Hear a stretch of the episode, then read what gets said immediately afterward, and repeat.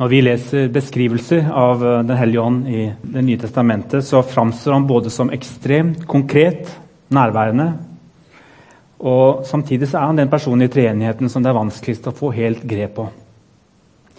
Her er noen beskrivelser av ham. Han er kraften som får vanlige mennesker til å legge sine hender på andre og se at de blir helbredet. Han er den som formidler frelse og syndenes forlatelse gjennom dåpen og på nytt og på nytt når vi feirer nattvær. Han er den som deler ut nådegaver til bruk i vår tjeneste. Han eh, er også den kraften som faktisk gjør det mulig å ligne på Jesus og hans måte å møte mennesker på. Det som vi kaller for åndens frukter. Og så I teksten fra Johannes-evangeliet, som vi har hørt lest før i dag, nå, så beskriver Jesus ham som en talsmann, veileder og trøster for oss når han ikke sjøl lenger er synlig iblant oss. Jeg har møtt kristne som har så sterke erfaringer av Den hellige ånd i sitt liv at de bruker alle anledninger de kan til å fortelle om hva de har opplevd, sett og hørt. Og For andre så kan erfaringene være mer ordinære og jordnære. Og Likevel så har jeg sett fruktene av Den hellige ånd i deres liv også. Han er der og jobber, men det skjer litt mer stillferdig. Og Faren for disse menneskene kan jo være at de glemmer å legge merke til Den hellige ånds nærvær og, og se hva han faktisk gjør og kan gjøre. Det er vanskelig å gripe, så griper vi derfor til bilder. Og det fins mange av dem. Jeg har bare valgt to i dag som jeg samtidig tror, selv om de er litt innbyrdes motsetningsfylte, og kanskje noen nesten vil synes at det ene er litt anstøtelig, så, så tror jeg de på ulike vis har sitt belegg i Bibels beskrivelse av Den hellige ånd. Og kanskje er det også sånn at Disse to bildene kan hjelpe oss til å respektere hverandre, fordi de viser litt om ulike erfaringer av Ånden og hans nærvær. Kanskje noen da syns det blir enda mer anstøtelig. En ting er jo frosken som snakker om Ånden i lampe, men nå skal vi rett og slett litt inn i Disneys verden. Og la oss inspirere av det første møtet mellom Aladdin og Ånden i lampen. Og se om han likevel kanskje kan lære oss et og annet om Den hellige ånd.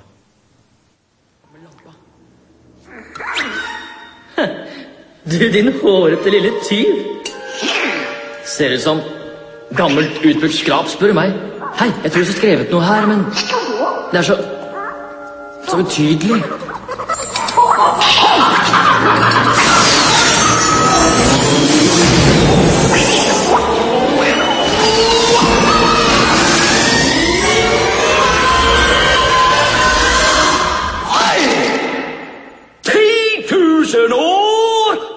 Det kink i nakken! Et lite øyeblikk. Wow! wow! Sannelig godt å komme seg ut litt! Hyggelig å være tilbake igjen, mine damer og herrer. Hei, hvor er du fra? Og du heter? Uh, uh, Aladdin. Aladdin! Hallo, Aladdin. Hyggelig å ha deg med. Sove. kan vi kalle deg Al eller bare Din? Eller hva med Laddi? Høres ut som uh... Kom da, Laddi. jeg må ha slått meg hardere enn jeg trodde. Røyker du? Nå kommer det deg, gjør Å, unnskyld, Julius. Gikk det bra med pelsen? Jo, til Ulf. Noen årtusen siden sist. Så gi meg pusselanken, da. Yeah, ja, ja. Det må jeg si. Du er jammen mindre enn min forrige herre. Enten det, så er jeg blitt større. Se på meg fra siden, syns jeg har forandret meg. Vent litt. Er jeg din herre? Riktig! Ikke noe mann der. Og hva ønsker du av meg? Den alltid imponerende, lenge innestengte Ofte imiterte, Bjarne. Men aldri dupliserte. Dupliserte, dupliserte, dupliserte. Ånden i lampen. Og her, direkte fra lampa, skal vi oppfylle dine ønsker. Takk, oi, oi, oi. Oppfylle ønsker? Tre ønsker, for å være eksakt. Flere enn det kan du bare glemme. Det er alt. Tre og når tres. stress. Ingen erstatning, bedre at alle penger tilbake. Helt klart at jeg drømmer. Herre, jeg tror ikke du helt forstår hvem jeg er. Så jeg tror ikke du fatter hvilke skatter jeg har å by på. Det kan jo hende Den hellige ånd har litt humor òg. Selv om han sannsynligvis ikke ser ut akkurat sånn som, eh, som denne eh, ånden i lampen. Men det er jo et par ting her, da. Det første Aladdin sier, er at han, han, han finner lampa og sier han, det ser ut som gammelt, utbrukt skrap, spør du meg. Og så viser ånden seg i all sin velde. Åpenbart de mest fantastiske muligheter for ham. Så sier han fortsatt helt klart at jeg drømmer. Og så må ånden si jeg tror ikke du egentlig forstår hvem jeg er. Så jeg tror ikke du fatter hvilke skatter jeg har å by på. Jesus han sa til disiplene dere skal få kraft når Den hellige ånd kommer over dere, og dere skal være mine vitner.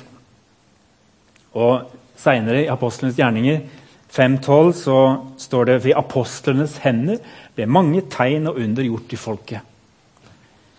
Og Jesus han sa tidligere i kapittel 14 i Johans evangeliet, som vi har lest fra i vers 12.: Sannelig, sannelig, jeg sier dere, den som tror på meg, skal også gjøre de gjerningene jeg gjør. Ja, enda større gjerninger, for jeg går til far. Jeg tror ikke du fatter hvilke skatter jeg har å by på, sa ånden, som hadde vært innesperret i en lampe i tusener av år. Mange vil hevde at, eh, at det er det som har skjedd i kirkens historie etter den første tida. Ulike kirkesamfunn de, de holdt og holder fortsatt Den hellige ånd innesperret i en lampe, og de har glemt hvor den var. På begynnelsen av 1900-tallet så skjedde det noe. Selv om jeg tror Helion hadde vært på ferde hele veien og på, i, det, i, det, skjulte, så var det akkurat som om det, det var behov for en, en, ny vekkelse som tok kanskje ånden litt ut av den litt sånn trange boksen som den hadde vært i i kirkehistorien i en del hundre år. Noen mennesker gjenoppdager på sett og vis bortgjemte sider av Den hellige ånd. Og den verdensomspennende pinsebevegelsen så dagens lys. og Det tilskrives ofte noen hendelser i Azusa Street i USA. Og så spredte det seg videre. Og Det er pinsekirkene som vokser raskest i verden i dag. På en særlig måte så forkynner de og proklamerer de og demonstrerer de åndens gaver iblant oss. Heldigvis er, ikke, er det ikke sånn at eh, pinsevennene i dag har monopol på Den hellige ånd. på noen som helst måte. De har fått lov til å inspirere på mange måter andre kirkesamfunn, også vårt eget. Karismatikk, karismatiske gaver, det er noe som hører til i alle menigheter i større eller mindre grad, og vi ønsker velkommen. Men har du og jeg glemt at Den hellige ånd fortsatt er virksom og kan gjøre større ting enn vi aner? Kanskje trenger vi å pusse en lampe, men vi trenger ikke nødvendigvis å pusse en lampe som han gjør det, men på vår måte så er det å be og være åpen for det Ånden vil gjøre. Og Først og fremst så er det det å erkjenne at han er en del av våre vanlige liv. Han kan også sprenge grenser på måter som særlig vi rasjonelle mennesker har vanskelig for å skjønne og åpne opp for. Jeg tror ikke du egentlig forstår hvem jeg er, så jeg tror ikke du fatter hvilke skatter jeg har å by på. Er det det Ånden sier til oss? Men så er det noe likevel som vi må få med oss som gjør Den hellige ånd totalt forskjellig fra Aladdins ånd. Ånden i lampen kaller Aladdin for herre, men i Bibelen så er det motsatt. Ånden er en herre. Han er Gud. Han blir aldri vår lydige tjener som vi kan putte i en boks når vi er ferdig med han, eller i en lampe. Vi besitter ikke magiske krefter som vi kan benytte og som vi kan kontrollere. Jesus sier i Johannes 3 at vinden blåser dit den vil. Du hører den suser, men du vet ikke hvor den kommer fra og hvor den blåser hen. Og Sånn er det med Den hellige ånd. Vi kan ikke kontrollere ånden. Han virker helbredelser, han mirakler når og hvor Gud vil, gjennom dem som tror. Av og til uavhengig av mennesker. Vi kan aldri garantere eller mane fram noe som helst. Og vi vil aldri helt fullt forstå hans veier. Men vi kan be, og vi kan tro og håpe. Den andre lignelsen den tar utgangspunkt i hovedteksten som vi har hørt lest tidligere i dag, fra Johannes evangeliet kapittel 14. Det er ikke så mye temperatur og action når Jesus beskriver ånden her. Vi er noen uker tilbake i tid i forhold til pinsen. Det er mens Jesus enda er sammen med dem før han skal korsfestes den siste kvelden, så holder han en avskjedstale. Og Det er da han begynner å snakke om Den hellige ånd, som han kaller for talsmannen. Jeg vil be min far, og han skal gi dere en annen talsmann som skal være hos dere for alltid, sannhetens ånd, som verden ikke kan ta imot. Jeg lar dere ikke bli igjen som foreldreløse barn. Og så i vers 26.: Talsmannen Den hellige ånd, som far skal sende i mitt navn, skal lære dere alt og minne dere om alt det jeg har sagt dere. Og i kapittel 16 Han skal ikke tale ut fra seg selv, men si det han hører, og gjøre kjent for dere det som skal komme. Min andre lignelse. Vi er i en landsby, kanskje et sted i Afrika. Det er en av disse varme dagene. Men det fins et stort tre som kaster skygger. Under det treet er det en kjølig og behagelig temperatur. Det er der han sitter. Den kloke, gamle mannen i landsbyen. Vismannen under treet. Mange av de som bor i landsbyen, snakker ikke med vismannen lenger. De har ikke tid. For du må ha god tid når du setter deg ned med vismannen under treet. Andre har tid, men de velger å gå en lang omvei rundt treet for å slippe å møte på han. De kommer med unnskyldninger som 'Han er for gammel til å ha noe å si oss lenger'. Men de som gir ham tid, de som setter seg ned med ham under treet, de lærer seg å verdsette disse øyeblikkene. For vismannen under treet han er både en stor historieforteller og en god lytter. I fortellingen hans gjenkjenner de sine liv. Av og til alvorlige sannhetsord, men alltid formidlet i kjærlighet. Andre ganger er det ord til oppmuntring og trøst. Men selv om det føles som om historiene hans handler om dem som har satt seg ned akkurat der og da, så er det egentlig ikke nye fortellinger. Det er ikke noe han bare har funnet opp. Han forteller bare videre det han har mottatt og hørt og lært. For du skjønner, vismannen under treet er en mann som husker. Og han hjelper folk til å huske også. Han er en brobygger mellom det som har skjedd, og det som skjer i dag. Alle som tar seg tid med vismannen under treet, de blir kjent med den store fortellinga. Fortellingen om en Gud som er en lidenskapelig elsker. En som elsker menneskene han har skapt mer enn noe annet. Den store fortellinga handler om hvordan Gud var villig til å gjøre hva som helst for å reparere det fellesskapet som var ødelagt mellom han og menneskene. Det handler om at Gud selv gikk inn i menneskenes historie og ble et menneske selv for å elske menneskene tilbake. Det kostet han livet. Men døden kunne ikke holde på ham. Og da han beseiret døden og dødskreftene, så åpnet det seg et nytt rom for fellesskap med Gud. Et fellesskap som alle kan ta del i hvis de sier ja til Guds kjærlighetserklæring gjennom Jesus. Det er en variant. Vismannen han, han blir aldri trett av å gjenta denne fortellingen på utallige forskjellige måter og forklare hva det betyr, men lytter samtidig også til de livsfortellingene som de kommer med, som setter seg ned hos ham. Og litt etter litt, nesten umerkelig, så veves den fortellingen om Jesus sammen med de mange små fortellingene de forteller fra sine egne liv. De skjønner at det er noe her som henger sammen. De forstår hvor de kommer fra, de forstår hvem de hører til, og hvor de skal. De mottar korreksjoner, de får eh, retning og et mål for livet. Av og til så oppdager de glimt av mening også i alle vanskeligheter som de møter på i hverdagen. Fordi de ser at de er en del av et større bilde, en større fortelling. De er ikke alene, de hører til. Den hellige ånd skal lære dere alt og minne dere om alt det jeg har sagt dere.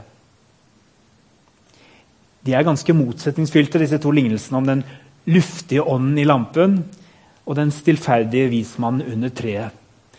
Men jeg tror de bildene utfyller hverandre når vi forsøker å begripe hvem han er.